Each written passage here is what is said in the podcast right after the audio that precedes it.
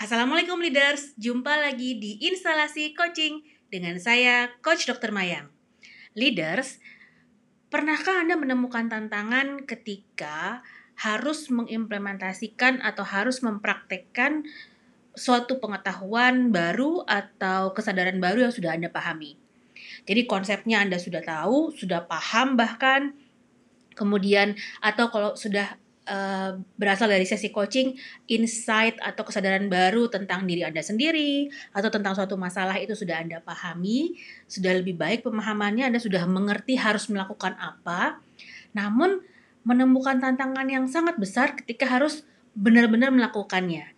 Antara knowing how to do it dengan actually doing it. Nah, ternyata tantangan ini uh, dihadapi oleh uh, banyak pemimpin dan di episode kali ini saya mengambil topiknya adalah ikigai karena uh, saya pernah membuat kelas kecil uh, kelas leadership inspiration menggunakan ikigai ini untuk beberapa manajer rumah sakit. Dan itu memberikan tambahan motivasi gitu ya tambahan uh, alternatif inspirasi untuk bagaimana mereka akan tadi menggabungkan atau menutupi kesenjangan antara pengetahuan how to do it dengan actually doing it.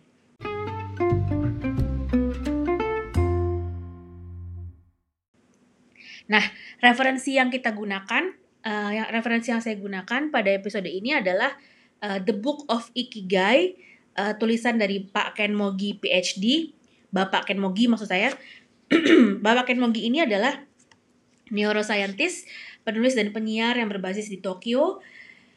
Kenapa saya memilih buku Ikigai yang ditulis oleh Pak Ken Mogi ini? Karena dibanding uh, karena memang banyak sekali buku-buku Ikigai yang ada di luar sana, baik yang dibuat oleh penulis uh, Jepang maupun penulis uh, di luar Jepang, juga bahkan penulis Indonesia juga sudah ada beberapa kalau saya tidak salah.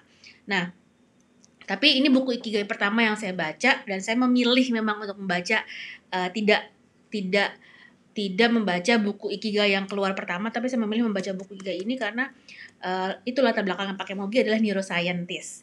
Uh, dan beliau sudah mengeluarkan uh, pada saat menerbitkan buku The Book of Ikigai ini beliau sudah menulis lebih dari 30 makalah tentang kognitif dan neuroscience serta juga telah sudah sudah menulis lebih dari 100 buku di Jepang terkait neuroscience di kaitan antara neuroscience dengan self development atau pengembangan diri gitu ya dengan kreativitas dan buku-buku bahasa Inggris. Saya juga sempat membaca uh, buku bahasa Inggris beliau terkait creativity and the brain. Dan saya menyukai sudut pandangnya beliau. Hmm, jadi saya memilih untuk uh, menggunakan referensi The Book of Ikigai tulisannya dari Ken Mogi PhD ini.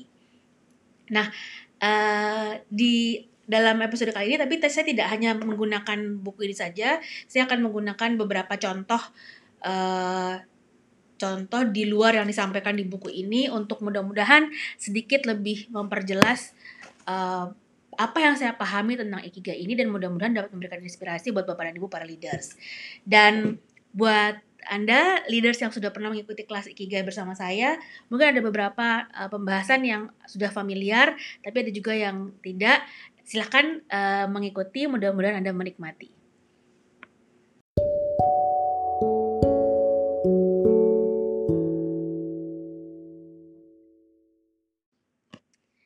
Dalam The Book of Ikigai ini ada 10 bab yang disampaikan oleh Ken Mogi dari mulai bab 1 arti Ikigai hingga bab 10 uh, eh, terima diri Anda apa adanya. Tentu saja saya tidak akan membahas seluruh bab uh, dalam buku ini karena saya tetap uh, ingin Bapak dan Ibu tetap memiliki curiosity dan kemudian mencari buku ini dan membacanya sendiri dan menemukan pembelajaran dengan membaca di, uh, buku ini sendiri jika memang Anda tertarik. Dan uh, keseluruhan pembahasan dalam buku ini menggunakan atau diwarnai ya disebutkan di, di, disebutkan dalam catatan untuk membaca dari Ken Mogi uh, diwarnai atau merujuk lima pilar ikigai. Nah sebenarnya setelah saya baca buku ini uh, mungkin yang pertama kali perlu kita pahami bersama adalah tentang lima pilar ikigai tersebut ya. Lima pilar ikigai tersebut nomor satu adalah awali dengan hal yang kecil. Nomor dua bebaskan dirimu. Nomor tiga keselarasan dan kesinambungan. Yang keempat kegembiraan dari hal-hal kecil. Dan yang kelima hadir di tempat dan waktu sekarang. Nah, apa sih sebenarnya ikigai ini? Uh, saya coba sampaikan terjemahan bahasa Jepangnya menurut Pak Ken Mogi. Ikigai adalah istilah Jepang untuk menjelaskan kesenangan dan makna kehidupan. Kata itu secara harfiah meliputi kata iki, artinya untuk hidup, dan gai artinya untuk alasan. Namun dalam bahasa Jepang, ikigai digunakan dalam berbagai konteks dan dapat diterapkan pada hal-hal kecil di keseharian selain target-target dan prestasi besar. Jadi sebenarnya ikigai adalah bahasa umum atau um, istilah umum yang digunakan sehari-hari gitu ya. Baik uh, akan sesuatu hal yang menyenangkan yang sifatnya kecil ataupun hal yang prestasi yang besar yang luar biasa itu dapat disebut sebagai ikigai. Nah, uh, untuk bagian pertama ini saya akan menyampaikan cerita contoh tentang ikigai yang disampaikan di bagian awal sekali dari bukunya Ken Mogi ini, yaitu tentang seorang master sushi yang ber, bernama uh, Jiro Ono. Beliau uh, memilih, mengepalai restoran sushi terkenal yang legendaris gitu ya, Sukibayashi Jiro. Nah, ceritanya uh, Sukibayashi Jiro adalah restoran yang terpilih untuk untuk um, menyajikan hidangan makan malam uh, ketika Presiden Amerika pada saat itu Barack Obama tahun 2014 uh, eh, berkunjung ke Jepang. Nah, uh,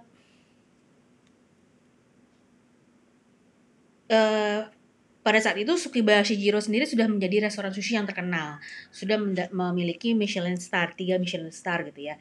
Kemudian dan memang uh, sudah sudah banyak penyuka atau fansnya sushi dari Sukibayashi Jiro ini dan uh, chef Jiro Ono-nya sendiri sudah dianggap sebagai uh, legenda master sushi lah yang tertinggi gitu.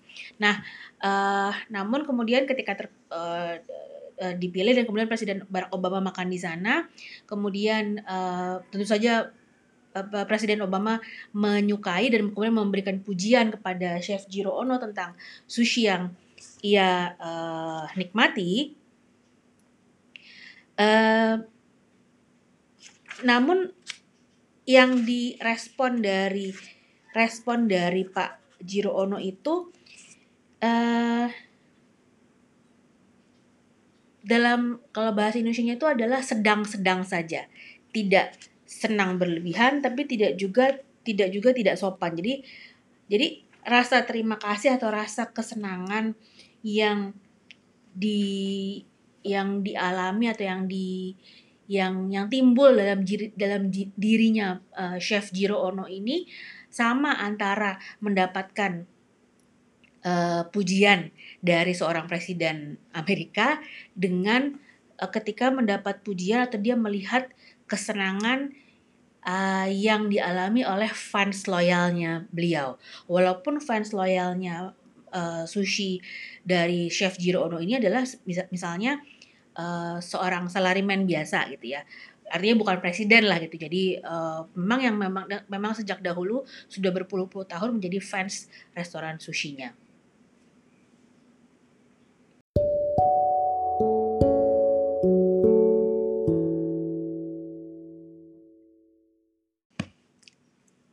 Cerita kedua terkait dengan ikigai, saya ambil uh, inspirasinya dari salah satu episode serial TV Cool Japan di dari NHK Jepang, uh, yaitu tentang buah stroberi. Jadi uh, kalau kita sudah pernah mencoba rasa stroberi di Jepang, itu nggak pernah sekalipun merasakan stroberi yang asam atau yang nggak ada rasanya. Nah, so, uh, salah satu salah satu uh, sebabnya adalah karena mulai tahun 80-an sebagian besar stroberi di Jepang dikembangkan di ditumbuhkan di rumah kaca dan mereka disebut sebagai winter strawberry. Winter strawberry yang dipanennya justru di, di musim dingin. antara Desember sampai Mei. Nah, ceritanya begini, di mulai tahun 80-an sampai 90-an ketika stroberi yang tadinya ditumbuhkan di luar di, menjadi di dalam menjadi indoor yaitu di rumah kaca terjadi uh, battle battle stroberi nih antara dua provinsi. Ada provinsi Fukuoka sama provinsi Tochigi.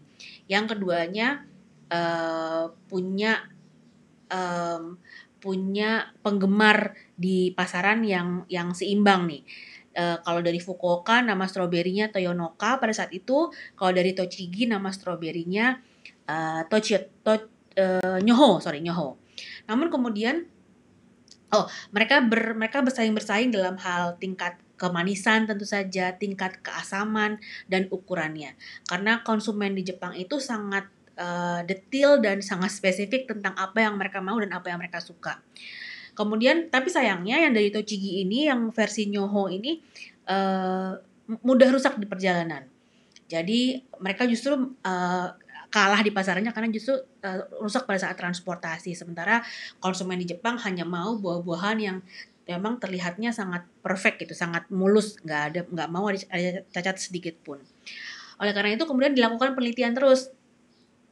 Provinsi uh, Tochigi melakukan penelitian sampai uh, kemudian mengembangkan juga Strawberry Research Institute. Di sini akhirnya selama beberapa tahun melakukan penelitian terus menerus ada tujuh researcher yang memang fokus mencari varietas terbaik uh, uh, untuk strawberry yang bisa memenangkan kompetisi di pasaran. Akhirnya kemudian di di 90-an gitu ya muncul uh, varietas baru namanya Tochiotome. Nah, Tochitome ini kemudian populer dan Tochigi memenangkan memenangkan pasar. Ini menjadi uh, strawberry yang paling banyak ditemukan di uh, supermarket atau di pasaran di Jepang. Karena tingkat kemanisannya tinggi, uh, kemudian bentuknya lonjong indah gitu ya, lonjong indah sempurna seperti strawberry, lebih besar dan lebih tahan tidak mudah rusak pada saat transportasi dan Fuku, provinsi Fukuoka, Fukuoka tentu nggak mau kalah. Akhirnya mereka juga melakukan penelitian terus menerus dan mereka keluar dengan brand strawberry berikutnya namanya Amao. Amao ini uh, sengaja bentuknya berbeda dari Tochotome. Kalau Tochotome lebih ke arah unggul Amao ini lebih ke arah bulat gitu ya agak bulat. Uh, namun dia dia kemudian berkembang Amao ini di, diunggulkan menjadi luxurious strawberry. Karena uh, buah-buahan seperti strawberry ini kalau di Jepang uh, di, bisa di packing yang bagus menjadi uh, menjadi buah tangan yang mewah gitu ya untuk diberikan kepada klien atau diberikan kepada uh, orang yang memang dihormati. Nah, akhirnya Amao ini uh, kembali memiliki memenangkan pasar juga memiliki pasarnya sendiri. Tentu saja di provinsi Tochigi nggak mau kalah lagi. Mereka kembali menggali terus kembali melakukan penelitian dan di di 2014 keluar uh, versi barunya namanya Skyberry. Skyberry ini adalah versi lebih besarnya lagi dari Tochitome. Biasanya kan kalau setahu saya ya kalau saya ketemu strawberry yang besar-besar baik strawberry lokal maupun impor yang kita dapat di supermarket makin besar biasanya nggak manis ya walaupun merah tapi nggak manis atau besar tapi nggak merah dan nggak manis bukan nggak manis bukan hanya uh, asam tapi nggak ada rasanya. Lebih parah lagi, strawberry besar tapi nggak ada rasanya, nggak manis atau nggak asam. Nah, skyberry nggak seperti itu. Skyberry adalah uh, puncak dari level kesempurnaan yang mereka inginkan dalam sebuah strawberry pada saat itu. Nah, di sini uh, uh, menggambarkan uh, bagaimana upaya terus-menerus berkelanjutan uh, sangat fokus untuk mengembangkan suatu produk yang disebut strawberry.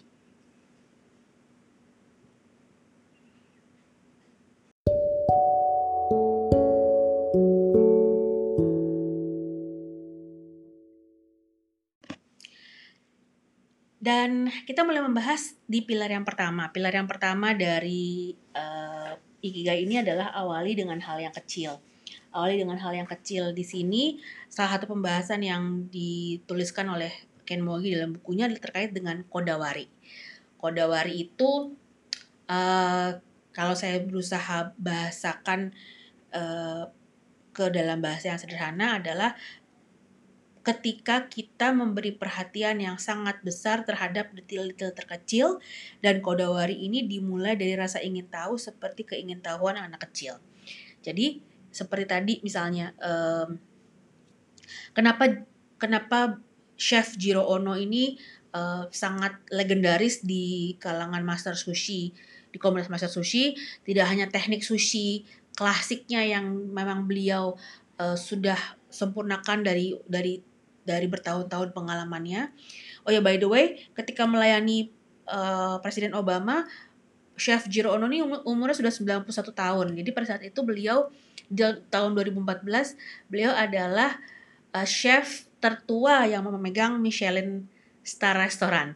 Jadi umur 91 tahun. Bayangkan pengalamannya. Jadi uh, dan sebagian besar master sushi memang memiliki pengalaman apa skill yang uh, belasan bahkan puluhan tahun ya. Nah, salah satu ininya lagi adalah uh, Chef Jiro ini mengembangkan uh, baga ag bagaimana agar bisa menyajikan ikura, sushi ikura atau telur ikan itu tetap segar dan tetap uh, tetap dalam kondisi terbaiknya sepanjang tahun. Padahal kalau trainer sushi yang klasik, ikura hanya disajikan di musim tertentu saja ketika memang uh, kondisi telur ikan tersebut uh, pada musim tersebut paling bagus. Tapi tidak, chef chef Girono berhasil mengembangkan itu. Dan kalau kita uh, lihat juga dari uh, apa saja yang diperhatikan oleh seorang master sushi, tidak hanya ikannya, tapi juga nasinya, bagaimana mereka cara masak nasinya, suhu suhu lingkungan uh, di dapur atau di luar ketika mereka mereka masak nasi akan mempengaruhi jumlah air yang digunakan, akan mempengaruhi lama masak nasinya dan seterusnya. Begitu juga saat mereka me, apa sih uh, uh, menyiapkan menyiapkan nasinya, kemudian tentu saja ketika mereka membentuk nasi dan menggabungkan nasi dengan ikan-ikannya menjadi sebuah sushi itu sudah, sudah tentu menjadi teknik yang yang skill yang memang sangat diperlukan oleh seorang master sushi. Hal yang serupa dengan yang strawberry tadi. Para peneliti strawberry baik di provinsi Fukuoka maupun Tochigi mereka sangat curious. Jadi itu kenapa itu dapat terjadi terus-menerus karena mereka punya curiosity ma tingkat kemanisan seperti apa sih sebenarnya yang diharapkan oleh pelanggan kita di di Jepang ini masyarakat Jepang misalnya. Kemudian bentuk yang seperti apa sih yang paling bagus, yang paling trendy saat ini untuk strawberry. Kemudian uh, apa namanya? Uh, buat siapa strawberry ini akan akan di akan di akan dimanfaatkan? Apakah strawberrynya buat hadiah atau strawberrynya buat dimakan? Maka itu akan menghasilkan akan itu akan mempengaruhi bagaimana mereka melakukan penelitian, melakukan trial and error ketika untuk mencari varietas-varietas stroberi yang terbaik. Nah, fokus pendekatan yang sangat uh, besar, perhatian yang sangat besar, sangat fokus untuk hal-hal kecil uh, itu yang disebut sebagai kodawari. Itu pemahaman saya tentang kodawari seperti yang disampaikan oleh Pak Chef Ken Mogi. Hal yang lainnya lagi yang bisa saya sampaikan juga adalah Contohnya kalau kita lihat di supermarket Jepang tentang uh, over the counter drug aja misalnya obat tetes mata. Obat tetes mata di yang tersedia di di supermarket di farmasi supermarket farmasinya di Jepang itu ada lebih dari 300 jenis. Dan semua tentang tetes mata. Ada yang tetes mata untuk uh, lebih cerah matanya tetes mata untuk kering karena komputer uh, lama melihat komputer. Itu itu sering kita temukan juga ya di sini ya. Tapi ada juga tetes mata untuk uh, supaya menghilangkan mata merah akibat kerja berlebihan. Jadi sangat spesifik. Ada juga tetes mata uh, dengan tingkat kedinginan tingkat rasa sejuk yang semakin tinggi ada level 1, 2 dan seterusnya ada tetes mata. Nah, semua semua ini di, dihasilkan oleh para produsen obat tersebut tetap mengikuti aturan pembuatan obat yang baik, namun dihasilkan untuk memen, untuk menyelesaikan berbagai macam masalah masalah spesifik yang dimiliki oleh para pelanggannya. Nah, itu salah satu bentuk kodawari.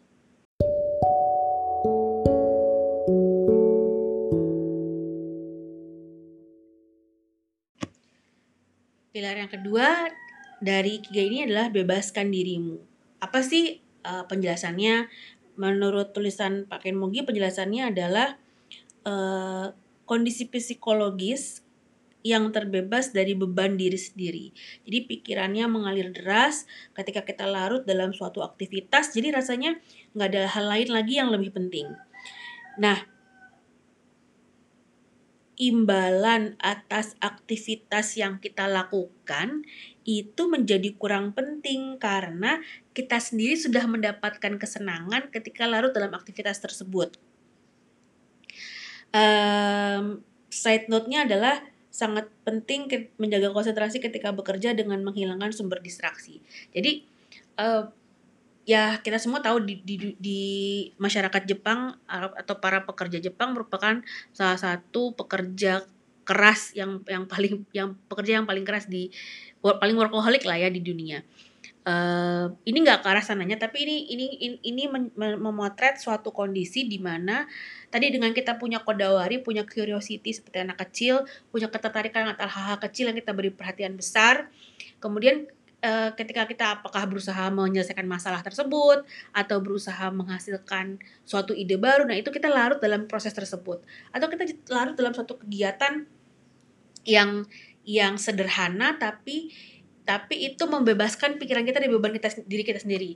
Apa yang disebut beban dari beban diri sendiri? Beban diri sendiri kalau dalam buku ini contohnya adalah beban saya, saya bakal sukses atau enggak ya. Bagaimana kalau ini gagal? Bagaimana pendapat si A, pendapat si B, pendapat si C dan, dan seterusnya terhadap apa yang saya lakukan? Itu disebut sebagai beban diri sendiri.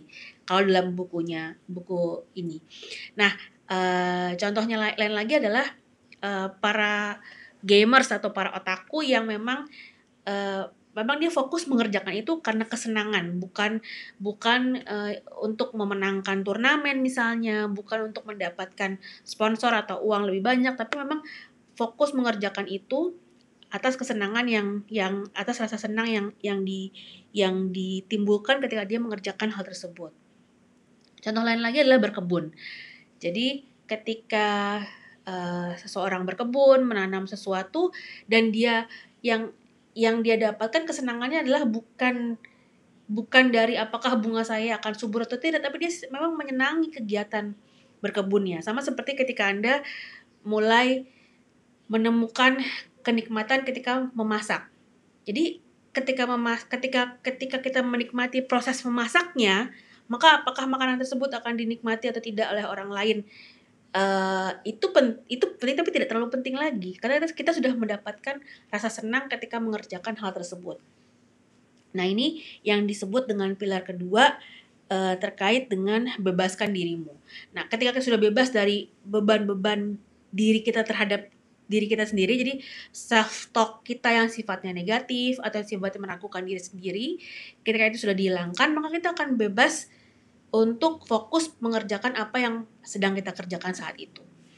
Contoh contoh lainnya lagi adalah yang ke kemarin sempat dibahas dalam kelas leadership uh, ini. Dalam keseharian kita bekerja misalnya satu satu hari kita bekerja 8 sampai 10 jam. Nah, dalam 8 sampai 10 jam itu pasti kita punya nih saat-saat saat-saat yang membuat kita senang ketika mengerjakan hal tersebut, tapi kita juga punya banyak saat-saat yang membuat kita merasa terbebani, mungkin menimbulkan stres, menimbulkan rasa cemas ketika kita kerjakan hal tersebut. Nah, bebaskan dirimu ini adalah ketika kita menemukan hal yang kita sukai, misalnya. Ada coach saya yang sangat menyukai mengutak-ngatik uh, file Excel, mengutak-ngatik data ada coach saya yang sangat senang ketika dia melakukan handling konflik, uh, handling komplain maaf. Ketika ada konsumen yang komplain, dia sangat senang untuk bisa terjun kemudian face to face berhadapan dengan uh, pasien atau pelanggan tersebut dan mendengarkan apa komplainnya dan berusaha me, berusaha me, mengetahui apa yang dirasakan sesungguhnya oleh pasien atau pelanggan tersebut. Nah, contoh ini dua hal contoh yang ekstrim yang sama-sama dimiliki dan sama-sama menimbulkan kesenangan pada orang yang berbeda. Nah, uh, mm, rekomendasinya dari dari tulisan Ikigai ini adalah temukan itu dalam keseharian kita bekerja dan ketika itu kita sudah punya larutkan diri kita dalam hal tersebut agar kita mendapatkan kesenangan dalam mengerjakan hal tersebut sehingga kita punya energi lebih untuk menghadapi hal-hal lain yang tidak terlalu menyenangkan buat kita.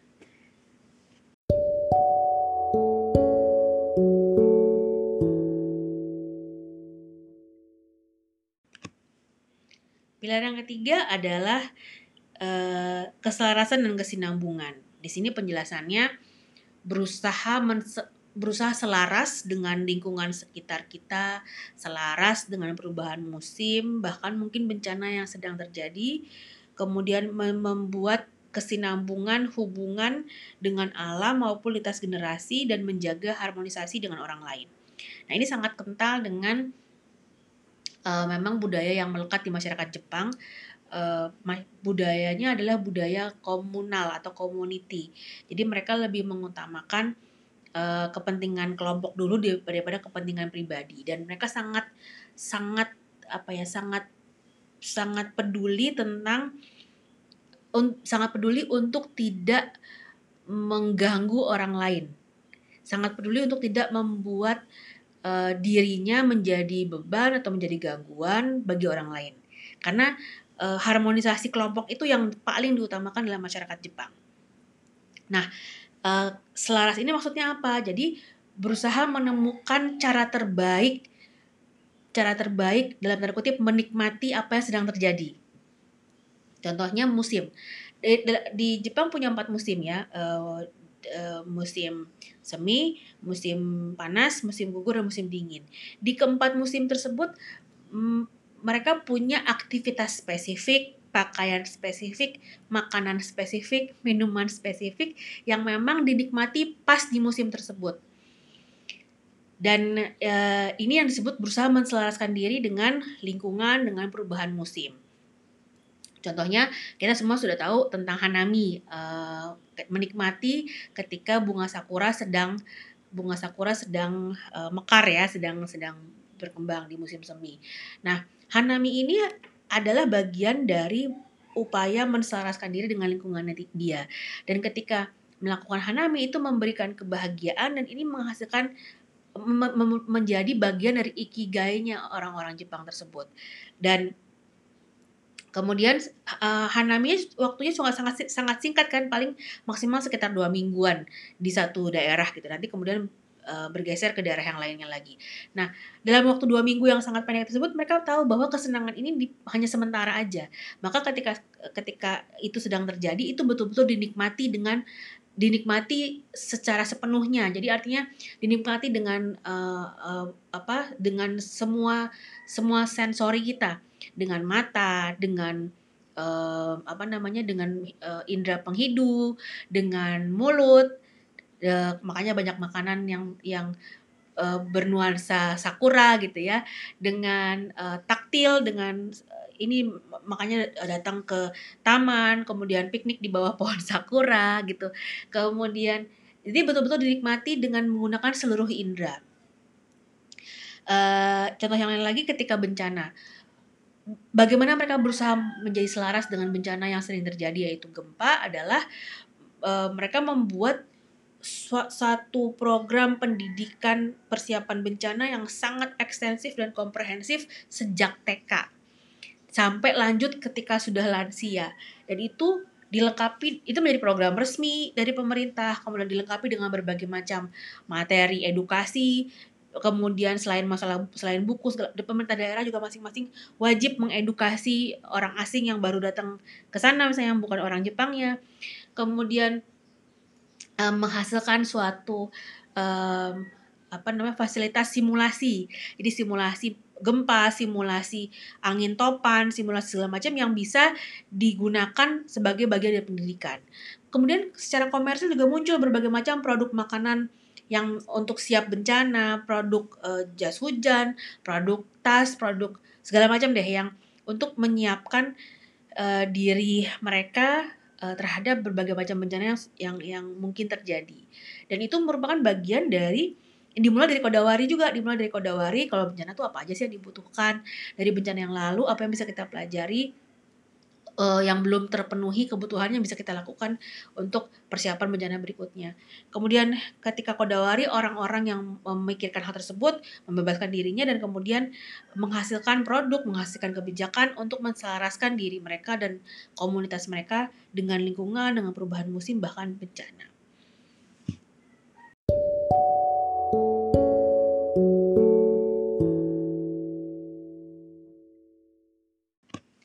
Pilar yang keempat tentang kegembiraan dari hal-hal yang kecil.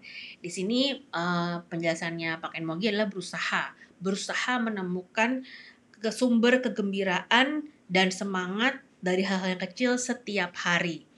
dan sumber kesenangan ini dianggap setara jadi nggak ada yang terlalu besar atau nggak ada yang terlalu kecil contohnya tadi uh, di awal ketika Pak Jiro Ono mendapatkan pujian dari Barack Obama itu membuat dia senang nggak? Iya membuat dia senang. Tapi ketika dia mendapat pujian dari pelanggannya dia yang biasa yang bukan presiden pun dia juga senang. Dan tingkat kesenangannya itu kurang lebih setara. Uh, dan tidak membeda-bedakan sumber sumber itu apakah manusia itu dianggap lebih tinggi dibanding manusia yang lain enggak karena itu adalah pelanggan di mata dia semua pelanggan setara dan semua pelanggan punya hak yang sama untuk menikmati uh, kualitas terbaik dari apa yang bisa dia berikan dalam hal ini sushi berarti ya dan uh, tadi tidak ada manusia atau makhluk yang dianggap lebih tinggi atau rendah untuk mempengaruhi timbulnya rasa senang pada diri sendiri. Mohon maaf tadi ada banyak suara ayam karena memang uh, saya sedang di taman. saya sedang merekam ini di taman, ada suara burung, ada suara ayam. Mudah-mudahan menjadi bagian dari warnanya instalasi coaching. Dan uh, yang poin yang terakhir di sini adalah tentang bahwa bahagia itu adanya di dalam diri um, ini sedikit agak melenceng uh, kalau uh, saya sebagai seorang muslim uh, memang diajarkan bahwa kalau kalau kita sering merasa kurang bahagia, sedih, galau segala macam karena memang kurang zikir, kurang mengingat mendekatkan diri kita kepada Allah Subhanahu wa taala. Dan uh, itu itu yang itu itu yang itu memerlukan proses juga untuk memahami hal tersebut dan walaupun ini ini nggak ada hubungannya dengan agama tapi maksud saya saya saya bisa memahami ini walaupun dengan perspektif yang berbeda mungkin kalau uh, bagi bagi saya men, menyikapi pilihan nomor empat ini adalah bahwa Uh, semua hal positif yang kita alami harus kita syukuri. Jadi harus diucapkan alhamdulillah yang levelnya setara. Uh, karena semuanya itu datangnya dari Allah. Apalagi kalau di, lewat jalurnya manusia, misalnya uh, saya dapat rezeki dari manusia yang dari saya dapat rezeki dari uh, uh, misalnya asisten rumah tangga saya lewat beliau, atau saya dapat rezeki dari uh, mantan kolega saya misalnya, dari kolega saya misalnya seorang uh, direktur saya harus sama-sama bersyukur dengan level yang setara karena rezeki itu asalnya memang dari Allah Subhanahu wa taala, cuman jalurnya aja berbeda. Jadi uh, itu cara saya menyikapi yang di sini karena karena Ken Mogi dari Jepang, dia punya caranya sendiri bagaimana seorang orang Jepang menyikapi uh, menyikapi semua sumber kesenangan itu dianggap setara, tapi juga menghargai setiap sumber kebahagiaan dan mencari sumber-sumber kebahagiaan itu dari hal-hal yang kecil uh, ini kenapa di Jepang sangat subur sangat subur otakku ya. Uh, uh, orang yang sangat serius dan sangat menyukai untuk fokus pada hal yang tertentu aja. Misalnya kalau dia seorang otakku miniatur dia menemukan kebahagiaannya ketika membuat miniatur tersebut. Atau uh, misalnya uh, uh, limited edition, limited edition. Jadi di berkaitan dengan yang tadi pilar ketiga, uh, di setiap musim pasti punya ada produk yang limited edition. Jadi kalau lagi musim sakura atau musim uh, semi pasti banyak makanan misalnya es krim atau coklat yang bertema sakura. Nanti di musim gugur ada lagi es krim yang bertema uh, uh, musim gugur kacang-kacangan gitu ya. Dan uh, setiap ketemu setiap ketemu musim dan menemukan limited edition products misalnya itu adalah sumber kesenangan kecil yang yang yang mereka hargai sebagai sesuatu yang memberikan semangat. Contoh lainnya lagi, kalau sudah musim dingin waktu sebelum pandemi, kalau sudah musim dingin adalah saatnya uh, nabe, uh, mak makan nabe. Tapi makan nabe itu yang rebus-rebusan gitu ya. Kalau di bahasa Indonesia-nya uh, mungkin kayak rebus-rebusan. Tapi nabe itu uh, buat mereka baru baru bener-bener nabe kalau dinikmati bersama teman-temannya, teman-teman kerjanya. Misalnya di di meja kota di meja kotatsu uh, kakinya dikasih pemanas kemudian merekanya pakai jaket gitu ya. Di tengah-tengah meja ini ada hotpot yang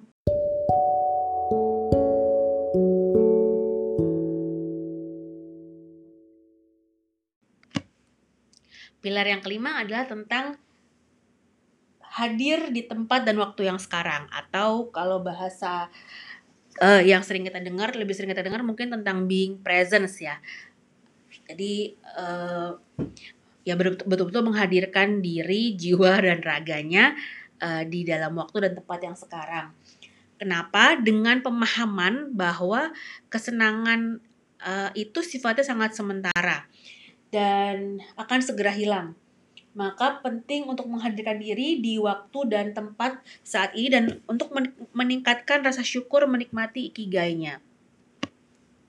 Dan imbalan apa pun, imbalan dalam bentuk apa pun terkait apa yang kita kerjakan tidak terlalu penting karena kita sendiri sudah sangat menikmati apa yang apa yang kita kerjakan sebagai ikigai kita.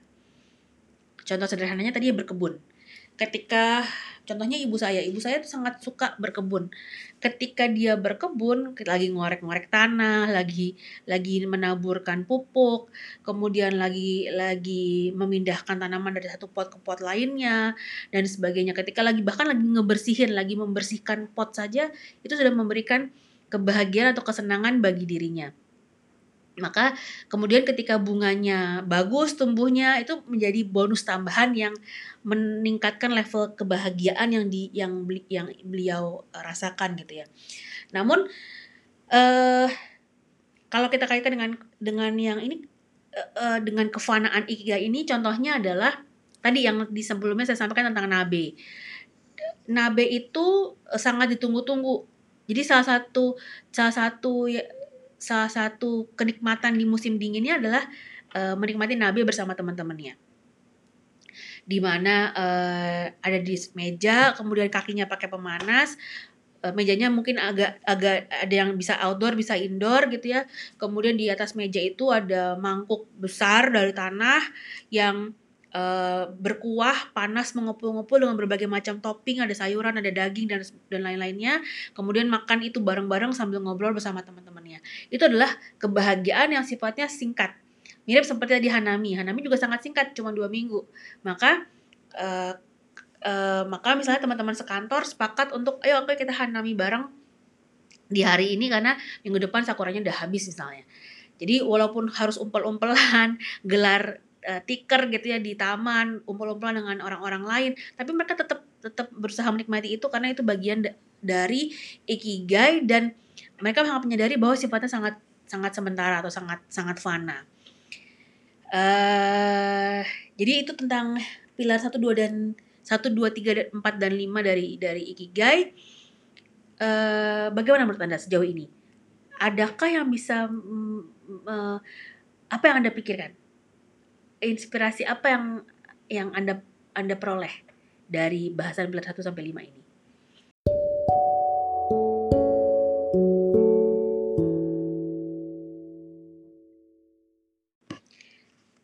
Kalau Anda nanti sudah membeli membaca bukunya, mungkin Anda yang sudah membaca bukunya mungkin menyadari bahwa cara saya membahas ikigai ini tidak tidak menggunakan urutan bab-bab seperti yang disampaikan dalam buku tersebut uh, memang tidak karena uh, gimana ya buat saya lebih mudah bagi saya memahaminya dan memudahkan saya juga untuk menyampaikan kepada bapak dan ibu sekalian. Uh, tapi uh, sebagai bagian kita udah mendekati akhir dari episode ini, saya mau mengambil dua bab saja, tapi contohnya bukan dari buku ini, contohnya saya ambil uh, di lain lagi. Bab yang yang tentang kodawari dan manfaat berpikir berpikir kecil ini, saya mau ambil contoh tentang uh, uh, apa namanya um, tentang perkiraan cuaca, perakiraan cuaca, perakiraan cuaca di Jepang. Jadi kalau di kita di sini di Indonesia yang kita tahu kan perakiraan cuaca itu tentang hujan berawan gitu ya kemudian uh, petir mungkin uh, bahkan mungkin kalau um, apa namanya angin kencang gitu ya itu itu itu seputar itu namun kalau di Jepang kalau kita perhatikan di Jepang ternyata perusahaan yang mem membuat membuatkan uh, tampilan atau visualisasi untuk perakiraan cuaca bagi stasiun-stasiun TV itu mereka membuatkan indikator-indikator lain yang lebih praktis dan mudah dipahami oleh masyarakat Jepang. Misalnya mereka mengeluarkan laundry index. going out index, clothing index, umbrella index, UV index. Jadi selain saya perkiraan cuaca di hari besok hari hari Jumat selain suhu udara, kemudian awan dan sebagainya yang memang standar untuk itu, eh, mereka juga mengeluarkan eh, berapa tebal Anda harus menggunakan sunscreen, menggunakan uh, krim krim tabir surya. Apakah apakah Anda harus bawa payung untuk menghindari panasnya matahari atau bawa payung nggak untuk bersiap terhadap kalau jadi hujan misalnya. Ada lagi tentang car wash index, uh, starry sky index. Nanti malamnya matahari uh, malamnya langit cerah nggak untuk bisa lihat bintang misalnya. Ada lagi indoor indoor drying index. Jadi bisa jemur pakaian keluar atau harus jemur di dalam. Misalnya itu itu diperuntukkan untuk para ibu rumah tangga. Ada lagi ice cream index, beer index. Kapan saat yang paling nikmat misalnya kalau di musim panas untuk makan ice cream atau minum bir bagi mereka. Kemudian uh, cough drop in cough drop index. Jadi siap-siap dia uh, minum uh, makan permen uh, obat batuk atau uh, karena mungkin uh, di musim itu anginnya banyak, kemudian debu mungkin banyak juga, ada pollen atau uh, serbuk sari juga banyak sehingga menstimulasi batuk gitu ya. Sama satu lagi air conditioning index rekomendasi untuk pasang AC-nya tuh suhu berapa yang paling nyaman tapi juga hemat energi misalnya. Jadi uh, dari satu satu data yang sama, data tentang suhu, cuaca, angin dan seterusnya, tapi karena mereka melakukan kodawari, mereka berusaha berpikir dalam hal yang kecil-kecil dari untuk berusaha menjawab kebutuhan pelanggan, kemudian itu mereka bawa jadi hal yang besar juga. Jadi kodawari adalah mulai dari hal yang kecil. Misalnya, kalau ibu rumah tangga tuh perlu tahu tentang apa ya dari data cuaca? Oh, karena ibu rumah tangga perlu tahu mereka harus bisa jemur di luar nggak? Apa kalau mau jemur kasur bakal basah nggak nanti kasurnya kalau hujan? Atau mataharinya cukup panas nggak buat jemur kasur, jemur futon misalnya? Uh, atau mereka kalau habis cuci bajunya jemur di dalam aja seperti itu. Kalau untuk uh, apa namanya uh, pekerja apa yang mereka penting ya untuk untuk untuk cuaca. Oh kalau misalnya uh, pekerja yang keliling mendatangi klien ke klien kan mereka harus uh, berjalan misalnya di musim panas mereka bakal keringetan nih. Uh, seberapa banyak keringetannya? Kita bisa ngasih rekomendasi apa? Oh kemungkinan karena ini be, sangat panas dan mungkin juga berawan bakal gerah banget maka rekomendasinya adalah bawa tisu basah misalnya. Jadi ada hal seperti itu yang berusaha mereka uh, kembangkan dari berpikir yang kecil kemudian mereka bawa lagi ke yang besar. Tadi berpikir kecil tadi untuk untuk menjawab kebutuhan-kebutuhan yang sifatnya sangat spesifik.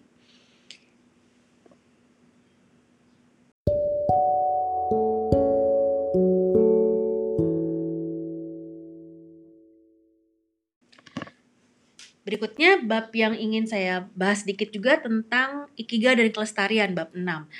Uh, tapi saya juga mengambil contoh tidak dari buku ini. Uh, Ikigai dan kelestarian itu tadi bagaimana uh, mereka berusaha me, berusaha menselaraskan kegiatannya, menselaraskan aktivitasnya dengan lingkungan sekitar dan alam sekitar. Saya mengambil contoh uh, aktivitas uh, di Aomori. Jadi kalau Bapak dan Ibu nanti punya kesempatan untuk uh, di ke YouTube coba deh uh, search White Impulse. White Impulse itu adalah sekelompok tim di Bandara Aomori yang bertugas membersihkan salju di runway bandaranya. Tapi siapakah mereka? Mereka adalah yang kalau di musim tidak musim dingin mereka adalah petani. Pekerjaannya sebagai petani, tapi begitu masuk musim dingin karena tidak bisa bertani, tanahnya kan keras karena menjadi es kemudian uh, mereka uh, menjadi petugas atau tim yang bertugas membersihkan bandara Aomori dari uh, salju. Namun yang poin pentingnya di sini adalah bahwa mereka menjaga tugas tersebut dengan dengan sama passionnya, sama kodawarinya, sama uh, apa ya, sama kualitas level kualitasnya juga sama-sama tinggi seperti ketika mereka mengerjakan pertanyaan mereka. Dengan White Impulse, Bandara Aomori tidak pernah ada keterlambatan atau cancellation akibat salju di musim dingin. Padahal Aomori adalah salah satu provinsi atau daerah yang uh, curah saljunya itu tertinggi di dunia. Salah satu dari beberapa yang tertinggi di dunia. Namun mengapa bandaranya bisa tetap tepat waktu pesawat-pesawatnya tidak ada cancellation terkait salju. Sementara di negara-negara lain yang juga punya musim salju, itu hal yang sering atau jamak sekali terjadi. Kalau musim lagi musim salju, apalagi lagi ada badai salju, misalnya malamnya, siangnya uh, pesawatnya di cancellation atau uh, uh, terjadi keterlambatan yang cukup panjang misalnya. Nah, uh, tim White Impulse ini dia uh, tentu saja bersama manajemen Bandara Aomori ya men, uh, men, melakukan uh, kaizen, melakukan inovasi dengan menyiapkan uh, 38 mobil, mobilnya mobil besar seperti traktor gitu, yang masing-masing punya tugas yang fungsi yang spesifik uh, saya nggak nggak terlalu bisa menyebutkan teknisnya, tapi saya saya gambarkan seperti ini. Ada mobil yang besar yang seperti traktor yang di ujungnya uh, bentuknya seperti sekop. Jadi untuk menyek, menyekop uh, tumpukan salju yang besar yang yang dalam jumlah besar dalam jumlah dalam jumlah banyak. Ada juga yang di mobil yang di bagian depannya bentuknya seperti sikat yang kemudian berputar untuk ngebersihin sisa-sisa uh, salju juga. Ada yang bentuknya seperti uh, seperti sekop terbalik. Jadi seperti seperti ombak gitu. Tujuannya juga untuk mendorong atau membersihkan salju juga. Ada yang dilengkapi dengan air panas. Ada yang dilengkapi dengan uh, apa namanya uh, kayak semacam capit untuk mem untuk memecah bongkahan-bongkahan salju yang mulai membesar. Jadi dan semua itu kemudian uh, ketika bekerja mereka mem memiliki seperti koreografinya jadi kalau Anda cantik cari di YouTube ada banyak dokumenter yang menggambarkan uh, bahwa White Impulse itu ketika bekerja seperti tarian yang dikoreografikan. Walaupun goalsnya adalah ngebersihin runway, membersihkan runway agar siap pakai. Dan ketika salah satu pembuat dokumenternya bertanya, gimana dong kalau misalnya uh, ada nggak saat-saat ketika Anda nggak bisa sama sekali ngebersihin? Hmm, harusnya nggak ada kata kata tim White Impulse-nya. Jadi uh, kita akan harus pastikan bahwa apa pun kondisinya kita akan tetap turun untuk ngebersihin salju sehingga pesawat pertama di pagi itu akan tetap berangkat atau take off ataupun landing tepat waktu. Jadi itu merupakan uh, pelaksanaan kelima pilar ikigai tadi bahwa si si petani tadi memiliki kebanggaan ketika mereka berhasil membersihkan salju dengan baik dan tepat waktu.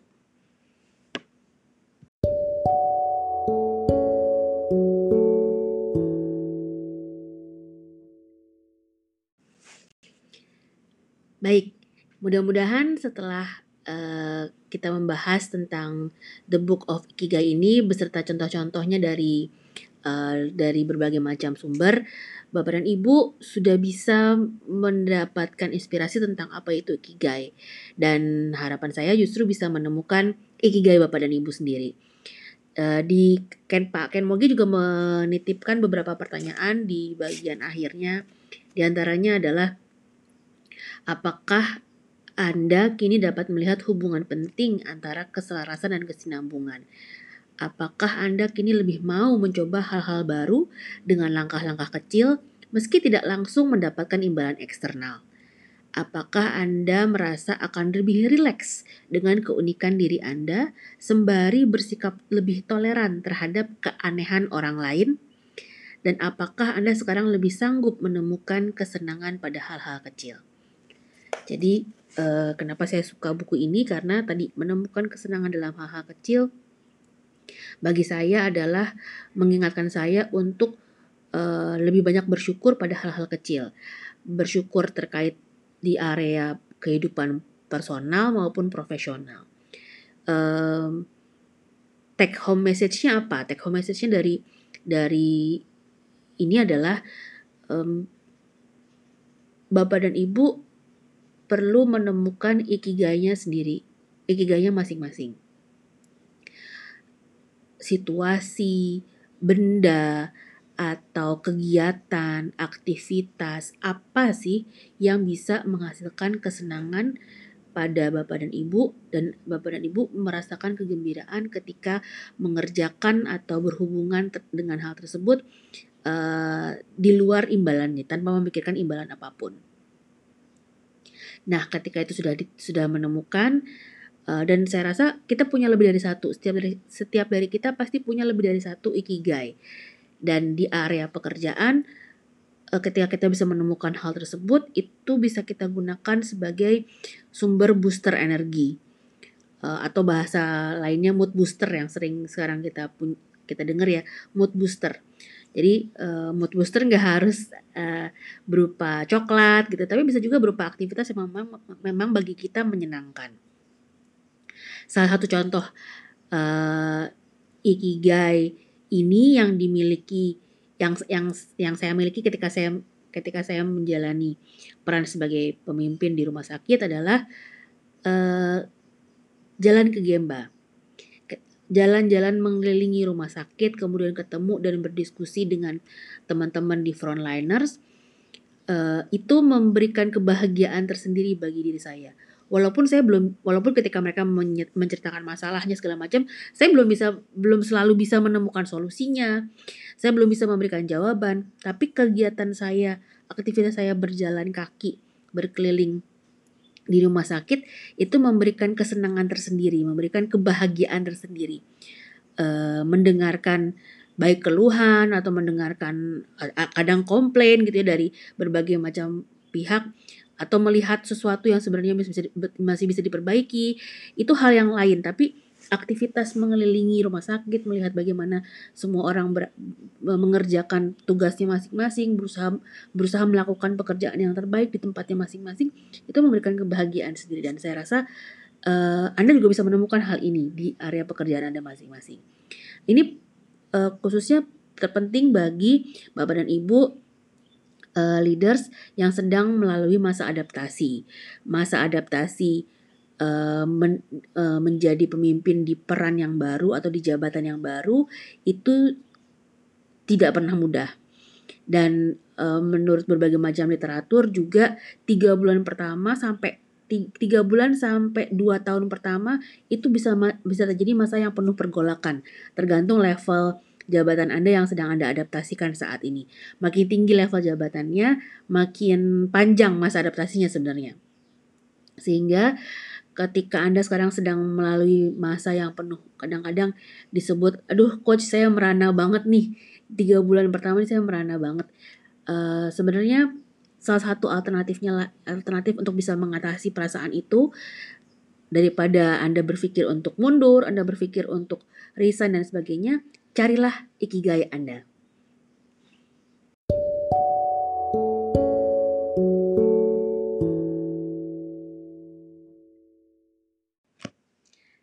Baik leaders, Alhamdulillah ya Rabbil Alamin, kita sudah selesai membahas tentang Ikigai untuk episode 2 di instalasi coaching. Mudah-mudahan ini dapat menjadi sumber inspirasi dan membawa manfaat buat kita semua. Saya di sini Coach Dr. Mayang adalah partner belajar Anda. Saya bukan guru ataupun mentor Anda karena kita di sini sama-sama belajar bersama uh, menggali berbagai macam referensi uh, untuk meningkatkan efektivitas kepemimpinan kita masing-masing. Buat Bapak dan Ibu leaders yang tertarik untuk uh, menggali lebih dalam atau mencari materi materi yang saya sampaikan dalam bentuk tulisan, tentang eh, pertanyaan-pertanyaan uh, yang sering ditanyakan terkait dengan coaching, terkait dengan lean management dan kepemimpinan, silahkan mengakses uh, blog pribadi saya. Blognya sangat sederhana di coachdrmayang.id. coachdrmayang.id. Semoga bermanfaat. Wassalamualaikum warahmatullahi wabarakatuh. Insya Allah ketemu lagi di episode instalasi coaching berikutnya.